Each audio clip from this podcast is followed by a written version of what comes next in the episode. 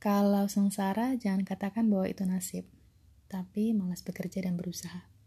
Masih dari buku Nasihat-Nasihat Keseharian oleh Buya Safi Ma'arif.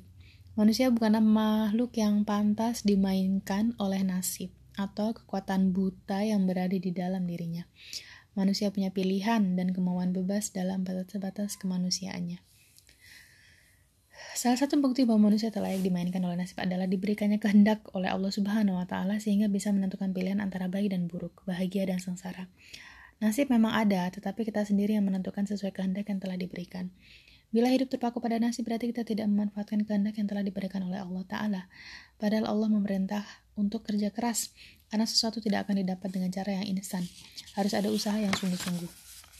Nasib atau takdir dalam Islam dikelompokkan menjadi dua. Pertama, keputusan ilahi seperti jenis kelamin, jodoh, rezeki, kelahiran, dan kematian. Tetapi ini masih diperdebatkan kecuali masalah jenis kelamin, kelahiran, dan kematian yang menyimpan banyak hikmah tersembunyi di dalamnya.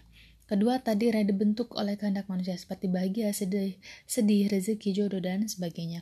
Mengapa jodoh dan rezeki masih bisa diperdebatkan? Karena Allah menginginkan supaya manusia tidak hidup seperti boneka Artinya manusia harus berusaha dan berperan aktif dalam mendapatkannya. Kalau menginginkan rezeki yang banyak, maka harus bekerja dengan giat. Kalau menginginkan jodoh yang baik, maka kita harus juga menjadi orang yang baik. Hukum sebab akibat sangat berlaku dalam hal ini. Karena itu, jangan pernah mengatakan sesuatu yang buruk atau tidak menyenangkan merupakan nasib atau takdir, karena hal bisa memicu kita untuk mengatakan atau menuduh Allah kejam dan tidak adil.